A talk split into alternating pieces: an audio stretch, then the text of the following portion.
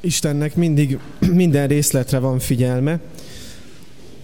Az se véletlen, hogy itt vagyunk ma reggel, és az sem véletlen, hogy, hogy ő, az, ő is itt van, és meg akar bennünket szólítani. Egy közel múltbeli élményemet szeretném elmesélni. Van egy koncert, amire nagyon szeretnék elmenni, és később tudtam meg a koncertnek az időpontját, mint ahogy az ügyeleti beosztás elkészült, és beosztottak aznap engem dolgozni.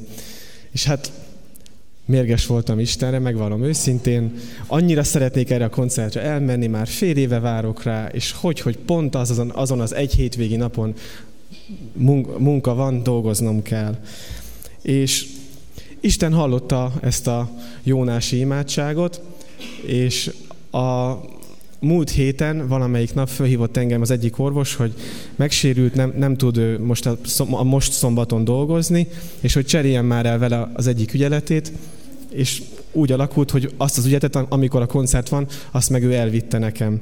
Így el tudok menni a koncertre, Isten meghallgatta ezt a kérésemet, és ez nekem csak azt mondja, hogy, hogy Istennek minden részlet fontos.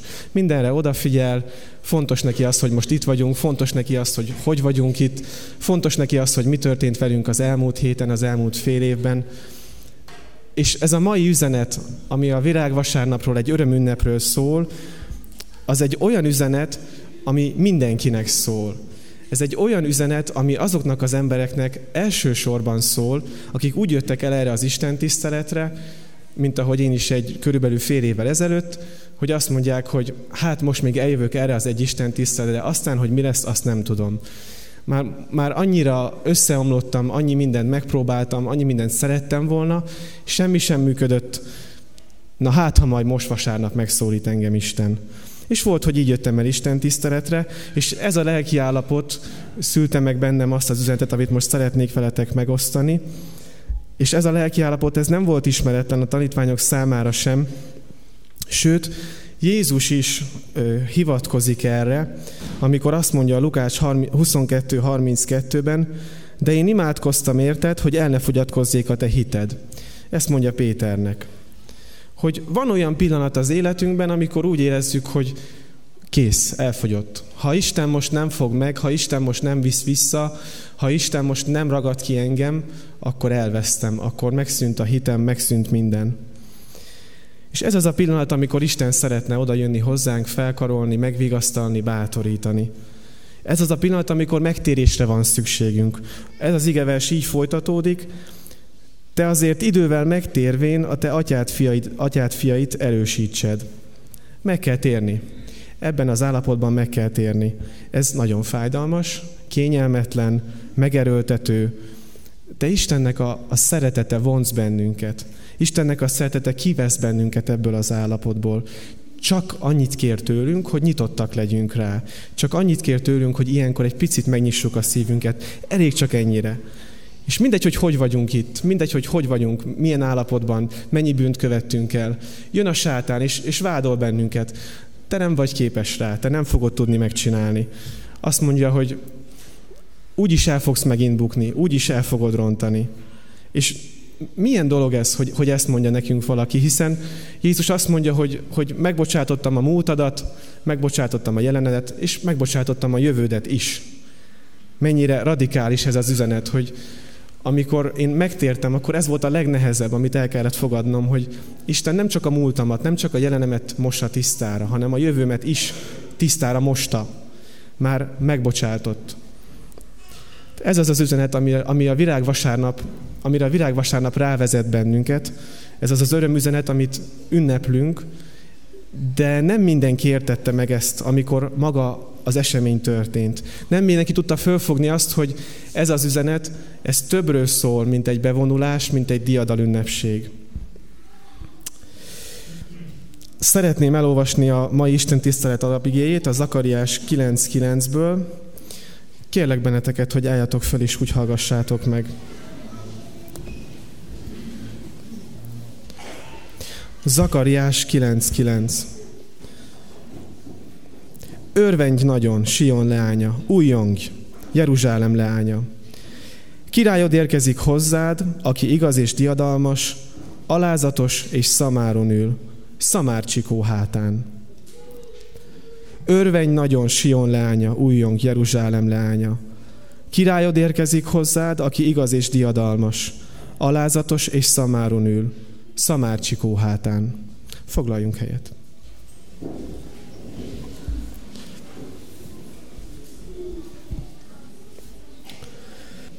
Nem csodálatos az, hogy, hogy Isten ezt az eseményt megjövendölte. Hogy ő erről az eseményről száz évekkel a megtörténte előtt már beszél. Isten látja a jövőnket, látja azt, hogy mi fog velünk történni, egybe látja az egész életünket, és úgy szeret bennünket, és úgy fogad el, ahogy vagyunk. Minden egyes szónak jelentősége van ebben az igeversben. Azt mondja, hogy örvendj nagyon. Sion leánya. Mi vagyunk ez a, ez a menyasszony, aki, akit Isten megszólít. Jeruzsálem leánya. Királyod érkezik hozzád, aki igaz, diadalmas, alázatos, és szamáron ül, Szamárcsikó hátán. Ez az utolsó részlet, hogy Szamárcsikó hátán, ez számomra egész új volt. Én eddig csak arra figyeltem föl ebből a virágvasárnap igéből, hogy Szamáron ül, de arra nem figyeltem föl, hogy ez egy Szamárcsikó. Sőt, hogyha a Lukács evangéliumát elolvassa valaki, biztos mindenki jól ismeri a történetet, akkor ott meg lehet azt figyelni, hogy ez egy olyan Szamárcsikó, ami még korábban soha senki nem ült. Tehát egy ilyen királyunk van, aki üzenni akar, üzenni akar ezzel a bevonulással, és üzenni akar azzal is, hogy hogyan vonul be.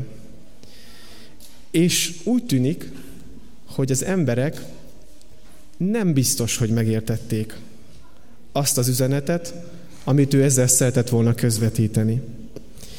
Úgy tűnik, hogy lehet, hogy még a tanítványok sem értették meg az üzenetnek a lényegét.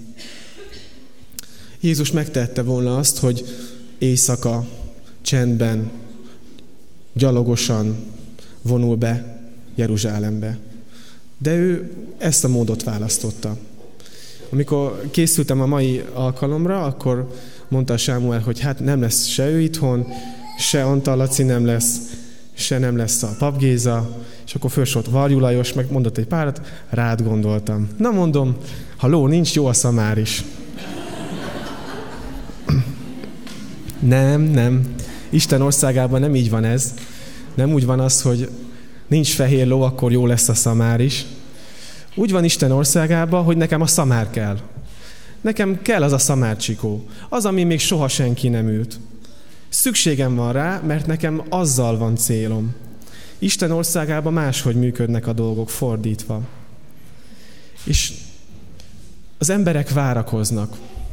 Egy nagyon nehéz időszak rész, részükre ez az időszak, római elnyomás alatt élnek, sanyargatják őket, adót kell fizetni a helyi királynak, adót kell fizetni az egyháznak, adót kell fizetni a császárnak. Ez egy elnyomott időszak. És ők is ismerik ezt a zakariási proféciát, tudják azt, hogy jön majd Jeruzsálem királya, és látják, hogy vonul be Jézus Szamárcsikó hátán, pálmágakat vesznek elő, leterítik a felső ruháikat, és azt mondják, hogy végre itt a szabadság. Végre itt a szabadság, itt a király, akit vártunk. Végre vége van az elnyomásnak, politikai szabadság lesz. Itt van a király, aki erős kézzel fog uralkodni. És örülnek. Ennek örülnek, és Fölmerül bennem az a kérdés, amikor ezen gondolkoztam, hogy a tanítványok ezt mennyire fogták föl, hogy miről szól ez a bevonulás.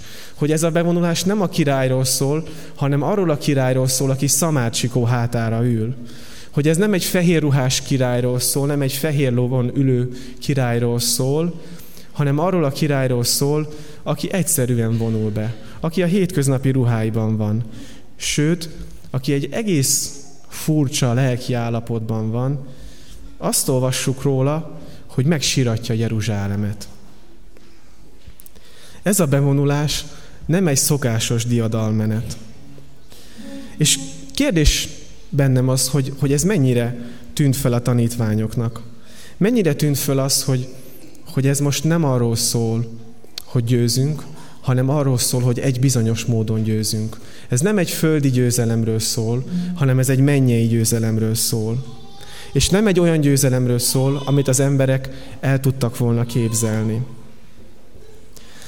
És azt látom, hogy ahogy a tömeg szétoszlik, elillan a lelkesedés, ahogy a tömegben elül ez a várakozás, úgy egy hét múlva már azt mondják, hogy feszítsd meg. Nem ő a zsidó királya. A tanítványok is úgy gondolom, hogy csalódtak. Talán reménykedtek, hogy majd 12 királyi széken ülnek, talán reménykedtek, hogy ők fognak ítélni, és ők lesznek majd a, a, a következő bírái Izraelnek. És azt olvassuk, hogy egészen odáig elment ez a csalódottságuk, hogy ott hagyták azt, amire Isten elhívta őket, és visszamentek halászni. És ebben a pillanatban mondja azt Jézus, hogy de hát én imádkozom érted, hogy ne fogyatkozzon el a hited. És valóban van ilyen a mi életünkben is, amikor várunk valamit. Azt gondoljuk, hogy Isten mondott valamit. Azt gondoljuk, hogy Isten megígért nekem valamit. Azt gondolom, hogy Istennek ezt vagy azt meg kell tennie. Mondok példákat is. És nehéz, nehéz válaszolni azoknak az embereknek a csalódottságára, akik nem adták át az életüket Istennek. De most hagy beszéljek azokról az emberekről, a tanítványokról, magamról, rólunk, akik Istennek odaszánjuk az életünket. Hogy van-e olyan, hogy, hogy azt mondom, hogy csalódok, hogy, hogy vártam valamit. Mondok erre példákat. Vártam volna, hogy Isten ad nekem egy, egy tőle való társat. Vagy vártam volna azt, én megkaptam ezt, de van olyan, aki ezt nem kapja meg, és úgy hallom, hogy, hogy erről, erről beszél. Vagy vártam volna azt, hogy meggyógyulok, és nem gyógyultam meg. Vártam volna azt, hogy barátokat szerzek, hogy születik valami az életemben valaki, és annyi mindenféle várakozásunk van, és hallok olyat, hogy azt mondják az emberek, hogy nekem volt egy ígéretem, és, és azt gondoltam, hogy ez így vagy úgy lesz, és aztán, és aztán nem úgy történik. És akkor fölmerül a kérdés, hogy ha csalódunk, akkor kiben csalódunk? Miben csalódunk? Istenben csalódunk? Én voltam olyan meggondolatlan, és ezt mint bűnvallás mondom el, hogy azt mondtam, hogy Istenben csalódtam. Ez nem helyes. Istenben nem lehet csalódni. Isten hűséges, Isten szeret, Isten hű a szavához, Isten nem változik, mindig ugyanaz. Istenben nem lehet csalódni, de akkor miben csalódik az ember ilyenkor? Úgy gondolom, és ezt tapasztaltam magamon, hogy az ember ilyenkor egy hamis istenképben csalódik. Abban csalódik, hogy én azt gondoltam Istenről, hogy, de Isten nem olyan. És nagyon óvatosan kell gondolkoznunk Istenről, mert mi soha nem fogjuk tudni őt teljesen felfogni. Egész életünkben fognak bennünket érni meglepetések. Mindig lesz olyan, hogy Isten azt mondja, hogy nézd, ezt se tudod még rólam, nézd, végtelen vagyok, nézd, erre még szükséged van, nézd, még ezt nem tudtad feldolgozni. Nem szabad, hogy az Isten képünket Isten helyére tegyük. Hogyha én azt gondolom Istenről, hogy ő neki ezt vagy azt meg kell tennie, az nem biztos, hogy úgy van. Nézzük meg azokat az embereket, akik erre nekünk példát mutatnak a Bibliában. A zsidók 11 ír ezekről az emberekről, a hitnek a hőseiről, akik nagyon nehéz körülmények között kiálltak Isten mellett. Hittek Istenben akkor is, hogyha nem értették Istent. Bíztak Isten ígéreteiben akkor is, hogyha úgy tűnt, hogy nem teljesedik be Istennek az ígérete. A zsidók 11 felsorolja a hitnek a hőseit, ilyen neveket, mint Ábel, Énok, Noé, Ábrahám, Izsák, Mózes, Ráháb, Gedeon, Sámson, Jefte, bőven van Dániel, tehát sok, sok emberről beszél ez a 11. fejezet. És elmondja, hogy hogyan hittek Istennek. És ha végignézzük ezek a, ezeket a neveket, mindjárt Ábrahámon megakadt a tekintetem, aki akinek azt ígérte Isten, hogy sok nép atya leszel, nagyon megszaporítom utódaidat. Nézzük meg Ábrahám életét. Sok nép atya leszel, nagyon megszaporítom utódaidat. Milyen élete volt? Azt kell, hogy mondjuk, hogy Ábrahám életének a szebbik részét várakozással töltötte. Olyan szinten várakozással töltötte, hogy ő már azt gondolta, hogy ebből semmi nem lesz.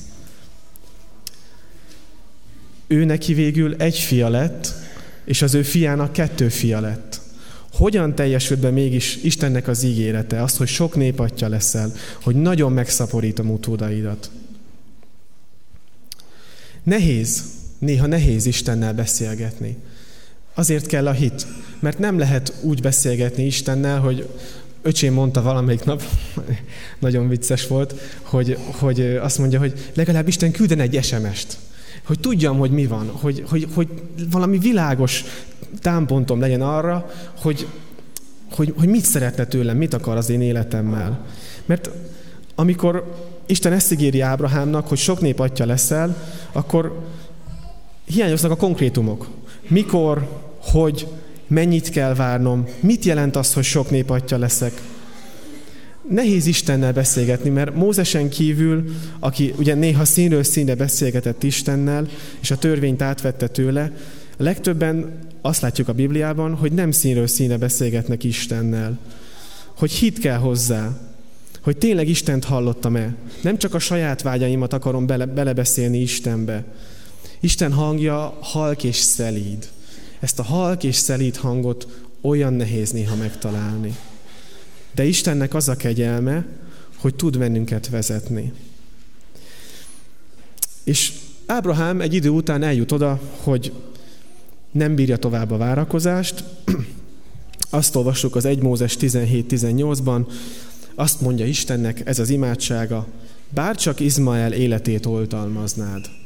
Izmael ugye a szolgáló lányon, szolgálótól született, tehát nem, a, nem Isten szerinti terv volt az, hogy ő a szolgálójától legyen, tehát az ő szolgálójának legyen egy fia, és akkor az legyen majd az ígéretnek a gyermeke. Istennek az volt a terve, Isten ígérete két embernek szólt, Ábrahámnak és ő, Sárának. Ő neki kettőknek szólt az ígéret, az ő utóduknak szól az ígéret. És azt mondja, azt mondja Ábrahám, bárcsak Izmael életét oltalmaznád. Isten meghallgatta ezt a kérést is, olvassuk is, de, de nem ilyenek vagyunk mi is. Hogy nekem azért megvannak az elképzeléseim egy idő után már elveszítem Istennek a vezetését, és akkor azt mondom a saját terveimre, a saját gondolataimra, hogy Uram, hát bárcsak Izmael életét oltalmaznád. Itt van ez az én gondolatom, úgy gondoltam, hogy, hogy te majd így csinálod, de én, én meg most ezt így csináltam, áld már meg, légy szíves, ez sokkal egyszerűbb lenne. Isten nem így gondolkozik. Isten igényli azt, hogy lerakjuk elé az életünket. És nem csak akkor, amikor megtérünk, hanem, hanem folyamatosan, folyamatosan le kell tennünk elé. Az az őszinte és igazi imádat, és a virágvasárnapi ünneplő tömeg is talán ezt felejtette el, ezt mulasztotta el, hogy ő úgy imádta Jézust, mint aki egy népszerű ember, aki bevonul, aki király. De amikor Istent én őszintén imádom, akkor szükséges az, hogy teljesen letegyem az életemet, feltétel nélkül. Újra, meg újra, meg újra. És amikor feltétel nélkül leteszem az életemet, akkor Isten azt megáldja. Akkor megjön az ígéretre a meghallgatás. Lehet, hogy nem azonnal, lehet, hogy száz év múlva, lehet, hogy úgy, ahogy Ábrahám életében, hogy csak öreg korában, amikor már ő száz éves volt, Sára 99, és emberileg már teljesen lehetetlen volt az, hogy az ígéret bekövetkezzen, de Isten mindig hűséges a szavához. És annak a, a jelzése, annak a, a figyelem felkeltője, a, a kis villogó jel, ami, ami ott kell, hogy legyen a fejünkben, a, a, hogy, hogy valami nincs rendben az életünkben, hogy valamit nem tettem le Isten elé, hogy nem tértem meg, ahogy ugye Jézus is mondja Péternek, hogy te azért idővel meg kell térned ebből, hogy, hogy úgy érzed most, hogy el fog fogyatkozni a de azért idővel ebből meg kell térned. Hogy ennek a jele az, hogy, hogy az ember elkezd veszekedni Istennel, hogy mérges Istenre, hogy azt mondja, hogy Istenem, hát így meg úgy. És, és akkor aztán nem haragszik Isten, hogyha ezt őszintén elmondjuk neki. Nem haragszik Isten azért, hogyha kiöntjük neki a szívünket. De eljön az a Jeremiási pillanat, amikor azt mondjuk, hogy jó, eddig voltam én, eddig volt az én akaratom, most akkor lássuk Isten megoldását. És lehet, hogy az a nehezebbik út. De Istennek a megoldása kell nekem.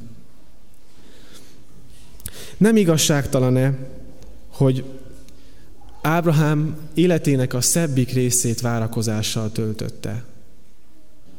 Gondoljunk bele ebbe, hogy, hogy Isten megíri, megígéri Ábrahámnak, hogy lesz egy fiad. És Ábrahám várja. 20, 30 éves, 40 éves. Hú, hát ha lesz még egy fiam. 50 éves, 60 éves, 70, és teljesen elveszti a reményt, és már keresi a megoldásokat. És nem igazságtalan ez Istentől, hogy azt mondja, hogy, hogy várjál, még, még várjál, még, még, még, még, még. El kell, hogy fogadjuk azt ma délelőtt, és ez legyen az egyik napnak, a mai napnak az egyik üzeneten számunkra, hogy Isten a várakozást, a pusztaságot, a feddést, Jákob csípőjének a kificamodását, és rengeteg mindent, amiket mi nem tervezünk bele az Istennel való járásunkba. Azokat Isten betervezte. És Istennek ez a hit volt a kedves Ábrahám részéről, hogy ő várt, várt, és az a hit volt a kedves, hogy amikor megvolt a gyermek, még akkor is le tudta tenni azt a gyermeket, még akkor is képes volt arra, hogy az oltára tegye, és amikor Isten meglátja, hogy milyen az, ha valaki a saját fiát áldozza föl, ahogy Ábrahám is föláldozta a saját fiát, és lemondott róla, akkor Isten azt mondja, hogy ne, ezt nem kérem tőled, elég lesz, hogyha ezt én végig csinálom. És amikor ez a várakozási időszak van az életünkben, akkor föltesszük magunknak a kérdéseket. Elrontottam én valahol valamit, csak beképzelem magamnak Isten hangját. Ábrahám is föltette volna magának ezt a kérdést. Egyáltalán Isten küldött engem ide? Mert mi olyanok vagyunk, mint Eliézer. Eliézer elment, hogy Izsáknak feleséget hozzon, és azt mondja, azt imádkozza, hogy Uram, adj eredményt még ma. Uram, még ma. Most legyen meg a te akaratod. Azt, hogy legyen meg a te akaratod, az arra vonatkozik, hogy mindig legyen meg a te akaratod. Nem csak most, hanem mindig. És hogyha most ez várakozással jár, és tíz év múlva jár egy válaszsal, akkor is nekünk hallgatnunk kell Istenre. És Isten Elízernek a kérését meghallgatta adott Izsáknak feleséget. Csodálatosan kirendelte ezt a, aznap ezt a választ Elézernek az imádságára.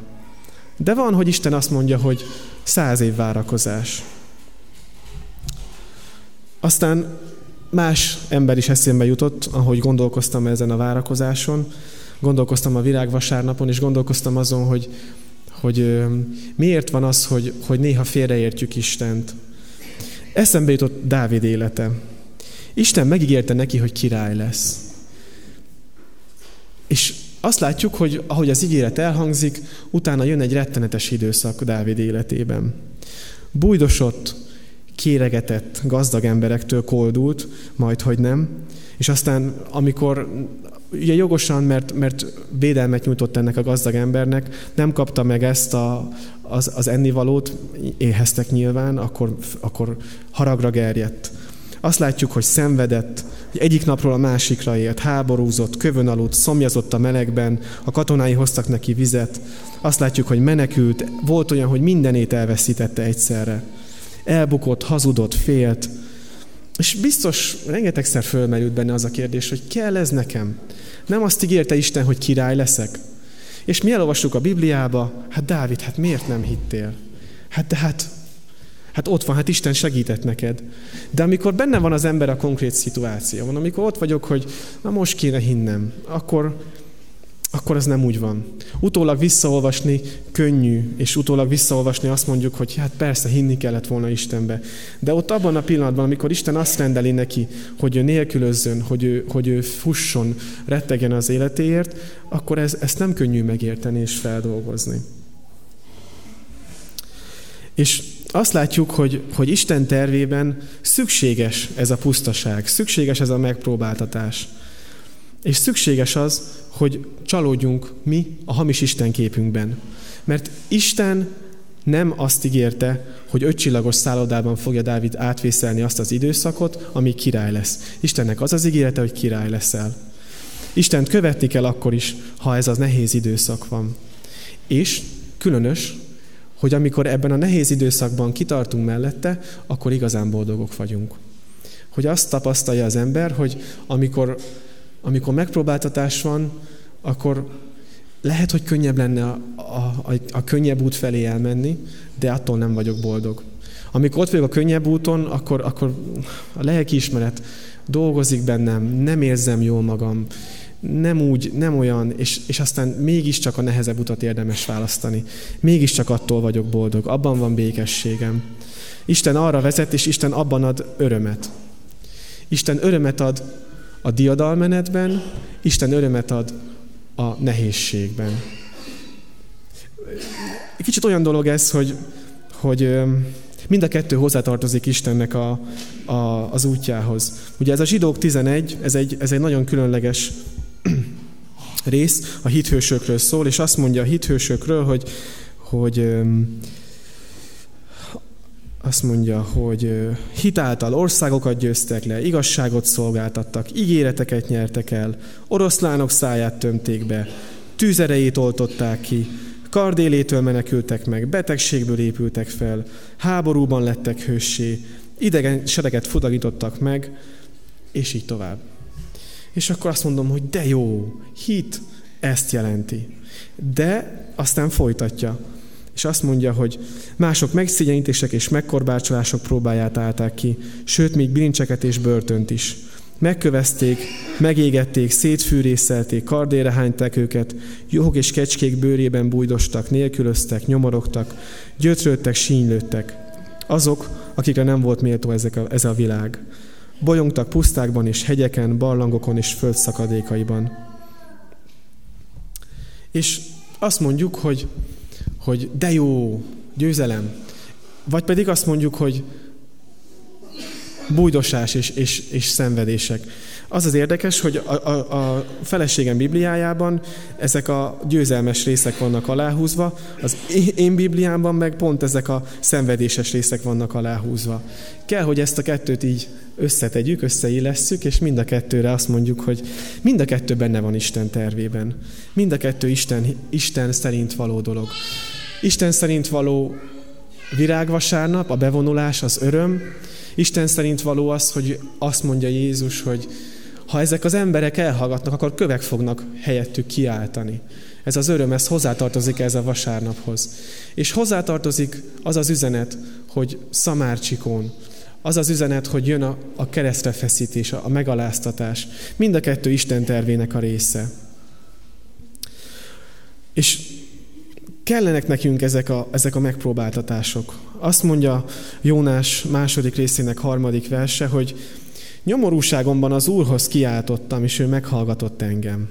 A halál torkából kiáltottam segítségért, és te meghallottad hangomat. Az az érzésem, hogy Jónás biztos, hogy nem fordult volna Istenhez, ha nincs nyomorúság. Ott a halgyomrában, ott elgondolkozott. De amíg lehetett, addig menekült. Addig menekült Istennek a szavától. És úgy gondolom, hogy, hogy Istennek célja van ezekkel az én életemben is. Úgy gondolom, hogy célja volt azzal, hogy Jákobnak le kellett sántulnia, és csak ezután, a birkózás után tudta Istennek őszintén átadni magát. Isten elé mindent le kell tenni. Isten el- előtt, hogyha megállunk, és azt látjuk, hogy, hogy zsörtölődünk, hogy elégedetlenkedünk, hogy, hogy veszekedünk vele, akkor az azt jelenti, hogy, hogy valamiből még meg kell térnünk. És egy másik dolog is feltűnt nekem, amikor Ábrahámon gondolkoztam, hogy az ő élete olyan szempontból is nagyon különleges, hogy az az ígéret, amit ő kapott, az nem az ő életére vonatkozik kizárólag, hanem a mi életünkre is vonatkozik. Isten gondolkodásában benne van az, hogy az ő ígéretei egy nagyon nagy része az, hogy, hogy, hogy nem lesz többé betegség, hogy nem, nem lesz többé könny, hogy a napmelege nem éget bennünket. Ezek a mennyországra vonatkoznak. Van, amikor Isten azt választja, hogy meggyógyít, és van, amikor Isten azt választja, hogy nem gyógyít meg. És mind a kettőben Istennek a dicsősége válhat nyilvánvalóvá. Azt mondja a zsidók levele 11.39, és mindezeken, noha hitáltal elnyerték az írás jó bizonyságát, nem teljesült be az ígéret. Ezt a hithősökről mondja. Azt mondja, hogy noha hitáltal elnyerték az írás jó bizonyságát, nem teljesült be az ígéret. Nézzük meg az életüket. Mózes az ígéret földjére elvezeti Izrael népét, de ő maga nem mehetett be. Ábrahám azt az ígéretet kapta, hogy megsokasítom az utódaidat, de ő maga egy gyermeket látott ebből, és két unokát. Istennek az ígéretei sokszor túlmutatnak ezen a földön. És Istent úgy gondolom, nem, nem vagyok teljesen biztos, hogy ez így van, de hogy, de hogy úgy gondolom, hogy, hogy könnyű úgy félreérteni, hogyha, hogyha azt gondoljuk, hogy minden erre a földre vonatkozik. Hogy, hogy meg kell, hogy lássuk azt, hogy, hogy Isten túl szeretne bennünket lódítani ezen az életen. Azt szeretné, hogyha egy picit messzebbre látnánk, picit többet látnánk, és azt szeretné, hogyha messzebbre gondolkoznánk. Jézus olyan békességet ad, ami nem függ a körülményektől. Nem körülményeket ad, nem csodálatos körülményeket, hanem békességet, olyan békességet, ami örömöt szolgáltat mindenféle körülményekben. És azt kell, hogy lássam ebben a virágvasárnapi ünneplő tömegben, hogy ők nem biztos, hogy ezt az üzenetet megértették Jézustól. Azt mondja a Lukás 19.47,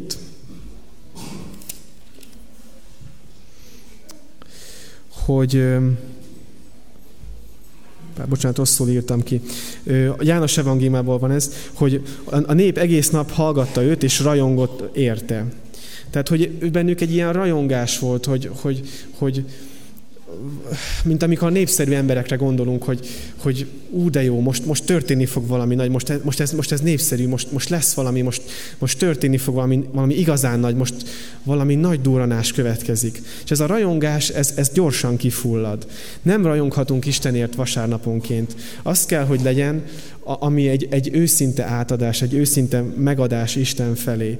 Hogy, hogy ez a rajongás, ez, ez ne ide vasárnapra koncentrálódjon, hanem, hanem Isten hűséget kér, és nem áldozatot. Isten az egész hétre kérünk tőlünk a hűségünket. És miután azt megvizsgáltam, hogy milyen volt ez a, ez a tömeg, utána egy picit elkezdtem gondolkozni Jézuson. Milyen, milyen volt Jézus ezen a napon?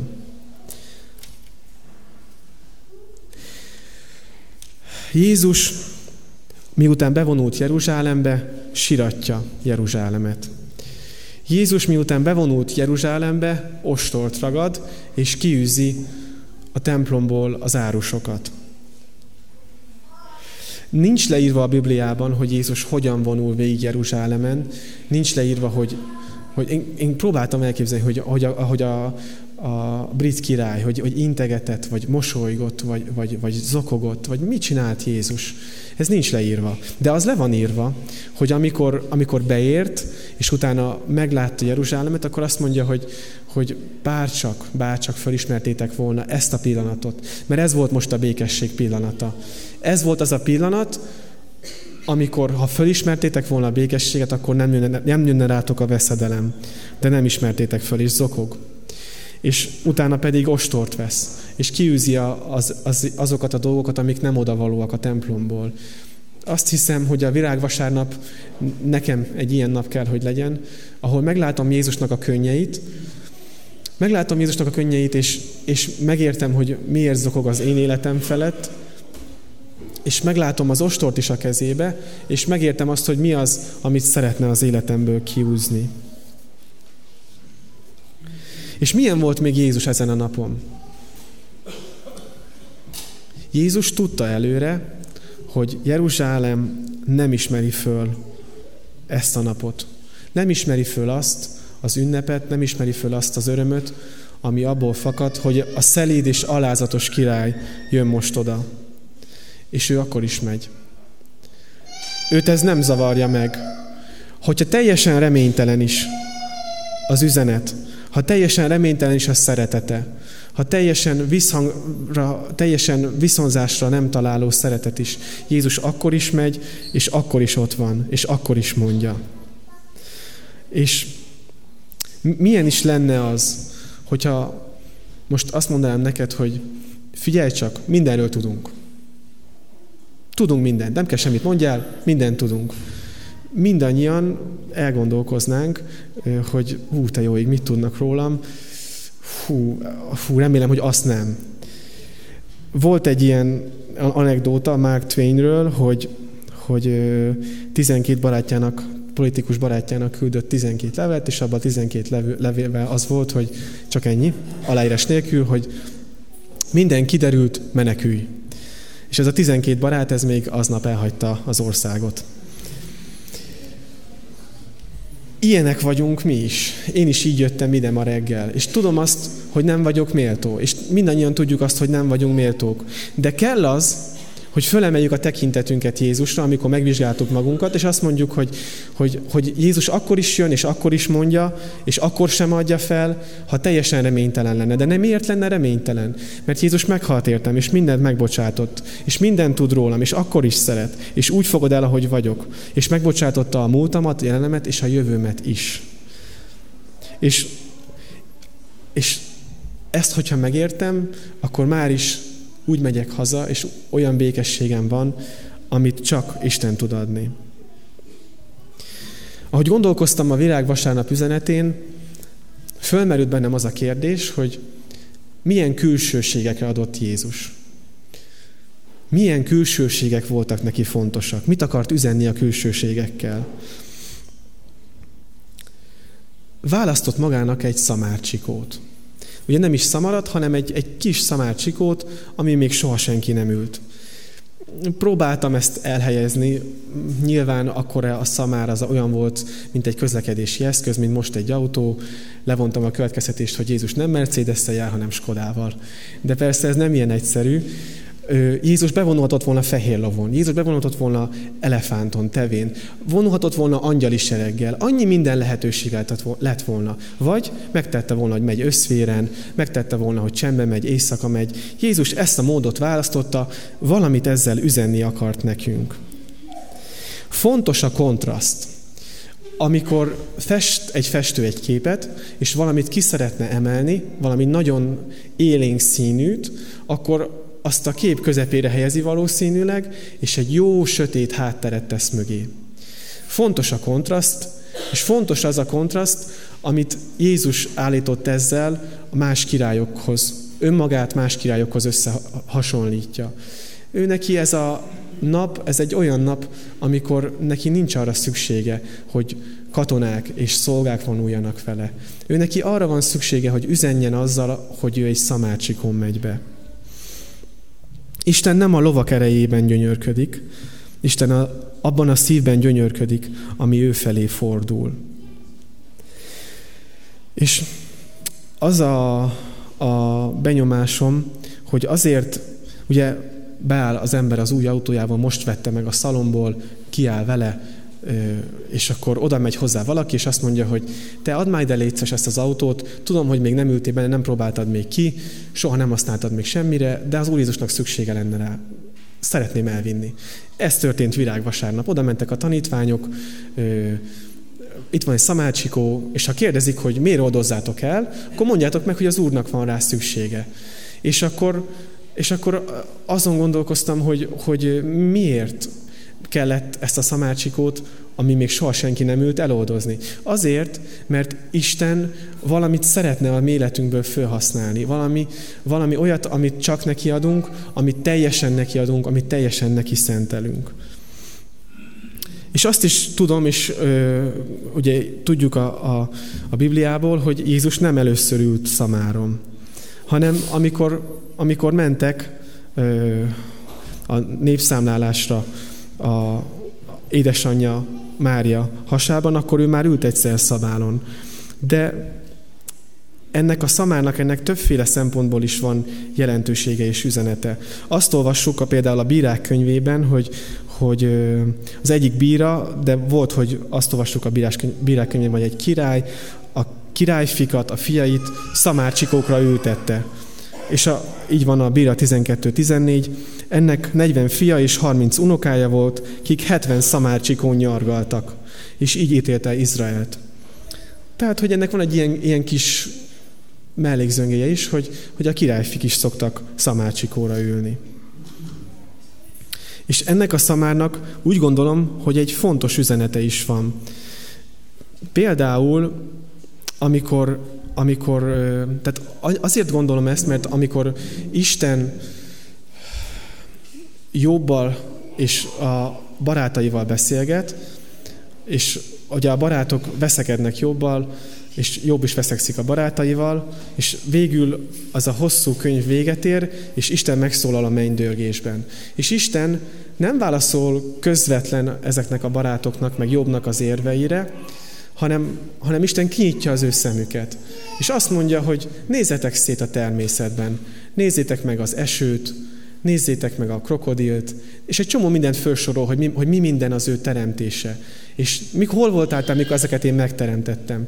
Isten nem közvetlenül válaszolt, hanem, hanem kinyitotta a szemüket arra, hogy Isten milyen hatalmas. És amikor ezt a felsorolást végignéztem, akkor azt találom benne, hogy Isten a természet csodái között megemlíti a szamarat. Azt mondja, hogy kibocsátotta szabadon a vadszamarat, kiodozta a szamárnak kötelét.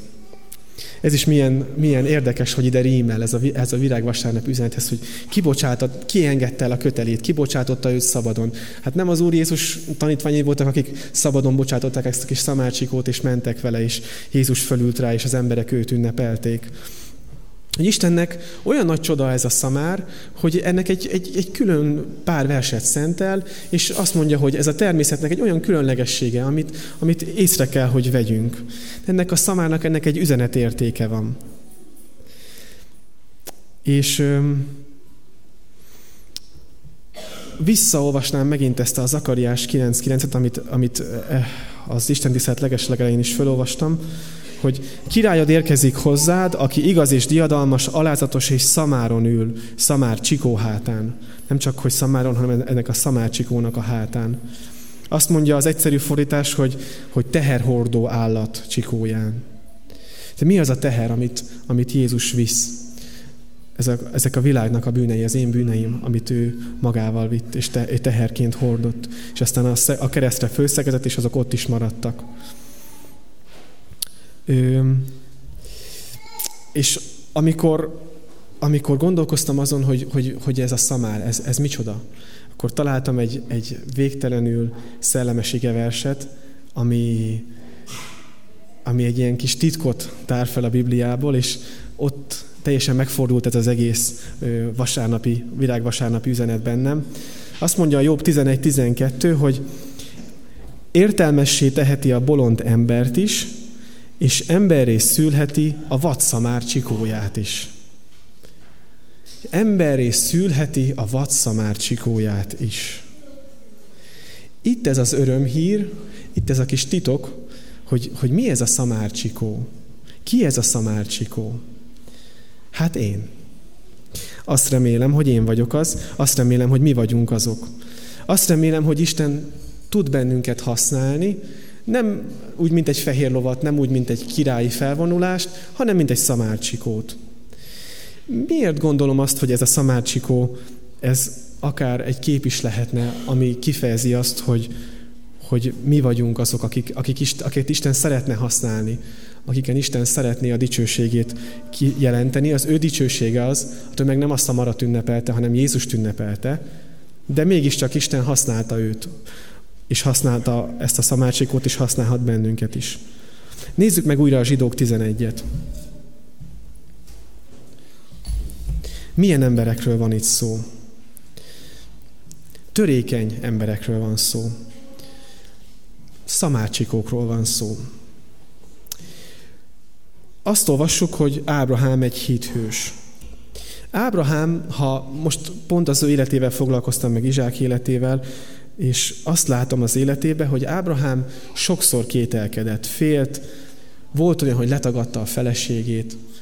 Egy csomó, egy csomó olyan emberi dolog volt az életében, olyan kis törékeny dolog, amire azt mondja Isten, hogy, hogy ez bűn, ez nem jó, de használak téged. Aztán ott van Izsák. Ugye a következő hithős a zsidók 11-ben Izsák.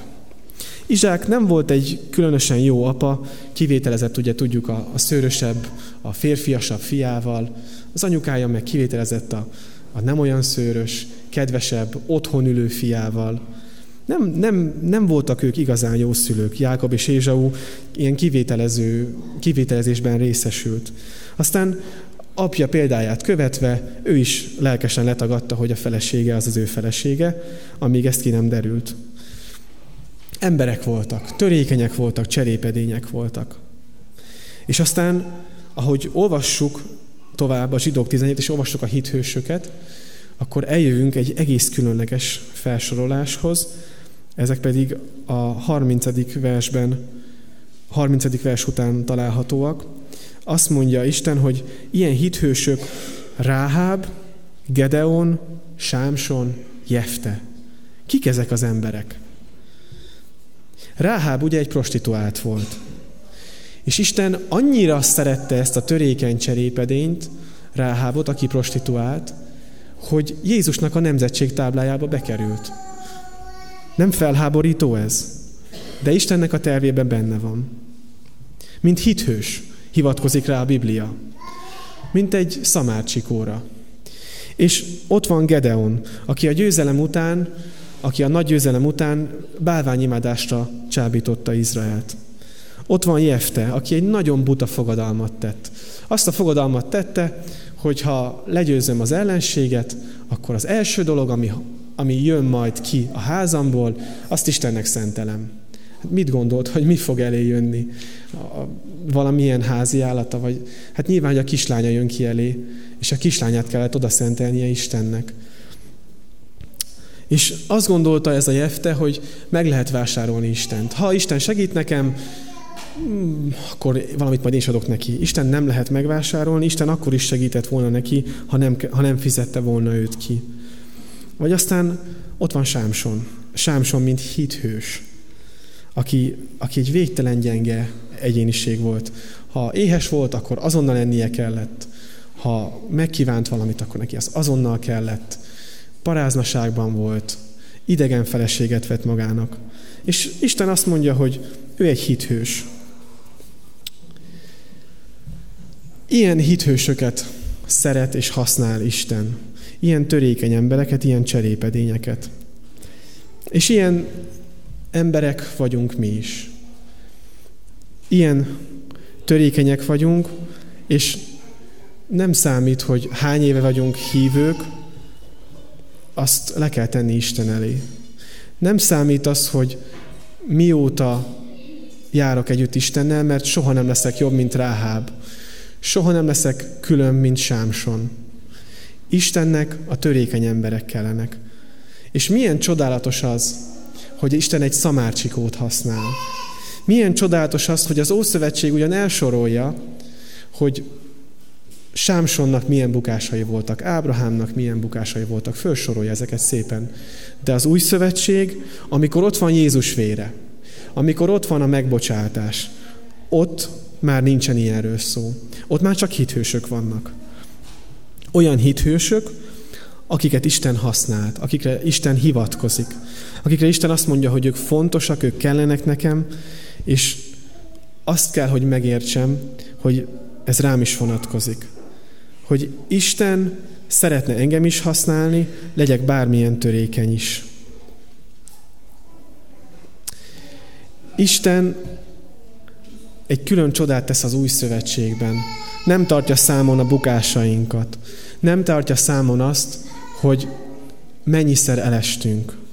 Istennek úgy vagyunk jók, ahogy vagyunk, tisztán mossa a bűneinket, és szeret bennünket. És még van egy másik aspektusa is ennek a, ennek a szamárcsikónak, vagy annak, hogy Isten kicsieket, kicsi és törékeny embereket szeret használni. És azt, talán azt gondolom, hogy nem is nagyon van nagy és fontos ember, hanem csak kicsi törékeny emberek vannak. Legfőjebb mi tesszük őket olyanok, olyanokká, de, de én úgy gondolom, hogy, hogy mindenki kicsi és törékeny Isten előtt. Isten valamiért szereti a kisebbet használni. Valamiért szereti Isten a ló helyett a szamarat. Valamiért szereti Isten Gedeont, Ráhábot és ezeket az embereket, akik ilyen törékenyek. Isten szereti azt, hogyha Jákob a kisebb kerül a nagyobb elé, Ézsau elé. Isten szereti azt, ha Mózes, a legkisebb és legfiatalabb, vezeti Izrael népét. Isten szereti azt, ha a hetedik gyermek, Dávid a legkisebb, lesz a legnagyobb. Isten szereti azt, ha Gedeon, aki a legkisebb a, a nemzetségében, őt lehet használni. Istennek olyan humorérzéke van, hogy amikor, amikor József hozza az apját Jákobot, és imádkozik az ő gyermekeiért, Józsefnek a gyermekeiért, akkor, akkor Isten valami egész különös humorral megkeveri a lapokat. Azt mondja, hogy először is egy különleges dolog, hogy beszél róla, hogy jön Jákob, megérkezik Jákob, Jákob, mint a József gyermekeinek a nagyapja, és aztán, amikor oda kerül a, a Biblia, hogy azt mondja, hogy jön az imádság, akkor azt mondja, hogy Izrael. Megkülönbözteti azt Isten, hogy eddig Jákob volt, de most, amikor imádkozik, amikor jön valami Isten, Istentől ihletett cselekedet, akkor ez már Izrael. És akkor azt mondja Jákob, hogy nem úgy, hanem így. Mert amikor elé áll Manassi és Efraim, és akkor imádkozni kéne a nagyobbért, meg a kisebbért, akkor ő megáldja a kisebbet, és a nagyobbat pedig a kisebb mögé helyezi. Hogy Istennek valamiért ez a kedves, hogy a kisebbekből szeretne nagyobbakat csinálni. Hogy ő szeret ilyen humorral keverni. Ő szeret úgy gondolkozni, úgy dolgozni, ahogy arra mi nem számítunk. Szereti a szamárcsikókat. És ugye mit csinált József erre? József háborgott. Háborgunk mi is rendesen, amikor Isten valahogy működik az életünkben. Van, hogy nem háborgunk, van, hogy, van, hogy mi is éjjenzünk és kiáltozunk és örvendezünk, de van, hogy háborgunk. Nem szabad háborogni Istennek az ilyen különleges megszólalásain.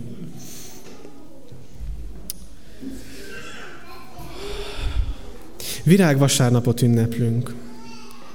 És amikor virágvasárnap van előttünk, és Isten ünnepeljük, Jézust ünnepeljük, akkor egy picit meg kell, hogy álljunk. Azt, azt jutott eszembe, hogy amikor megtértem, akkor, akkor, akkor mi volt előttem? Nyilván elsősorban Jézusnak a szeretete volt előttem. Elsősorban az volt előttem, hogy Isten megbocsátott, Isten szeret engem, Isten elfogad engem. És akkor oda kell adni az életemet Istennek, teljesen és feltétel nélkül milyen ez az életátadás. Uram, itt az életem, vedd el tőlem, neked adom. Hú, mennyire fog engem használni Isten. És csomóan meg fognak térni, rendbe jön ez, meg az, meg amaz, és milyen jó lesz. És ez így is van. És van, hogy ad meg még ma, Uram, és, uram, és az Úr megadja aznap. És van, hogy az Úr megadja, de száz év múlva. Van, hogy olyankor adja meg az Úr, amikor már nem számítunk rá. Van, hogy olyankor adja meg az Úr, amikor már annyi hülyeséget csináltunk, annyit tévejektünk, amikor már kértük őt, hogy a, a saját terveinket áldja meg, akkor adja meg Isten. Ez a diadalmenet, ez a virágvasárnapi győzelmi menet, ez nem a győzelmekről szól. Ez Istenről szól. Ez Jézusról szól. Nem a szamarat ünnepeljük hanem Istent ünnepeljük, Jézust ünnepeljük. Attól, hogy, hogy felült a szamára az Úr Jézus, attól az a, fe, az a szamár még nem vált fehér lóvá. Mi se válunk soha fehér lóvá, mi is maradunk törékenyek, maradunk kicsik. Nem vagyunk jobbak, nem vagyunk különbek, mint bárki, aki benne van a Bibliába, de rosszabbak se aki húsz éve hívő és húsz éve jár Istennel együtt, az ugyanolyan ráutalt Istenre, mint aki tegnap tért meg. Én most ezt tapasztaltam meg az életemben, és ezért is született meg bennem ez az egész, amiről most beszéltem, hogy, hogy kell az, hogy felnézzünk Jézusra. Kell az, hogy megtérjünk. Kell az, hogy amikor, amikor az van bennem, hogy hát most nem értem Istent, hát most csalódtam, akkor felismerjem azt, hogy nem Istenben csalódtam, hanem magamban csalódtam. Csalódtam egy hamis Istenképben, és ezt megbánom. Megbánom úgy, ahogy Jézus is felszólította Pétert, hogy te azért idővel megtérvén erősítsd atyát fiait. Megbánom úgy, hogy felnézek Jézusra. Azt olvassuk itt, hogy zsidók 12.2, Nézzünk fel Jézusra, a hit szerzőjére és beteljesítőjére, aki az előtte lévő öröm helyett a gyalázattal nem törődve vállalta a keresztet, és az Isten trónjának jobbjára ült.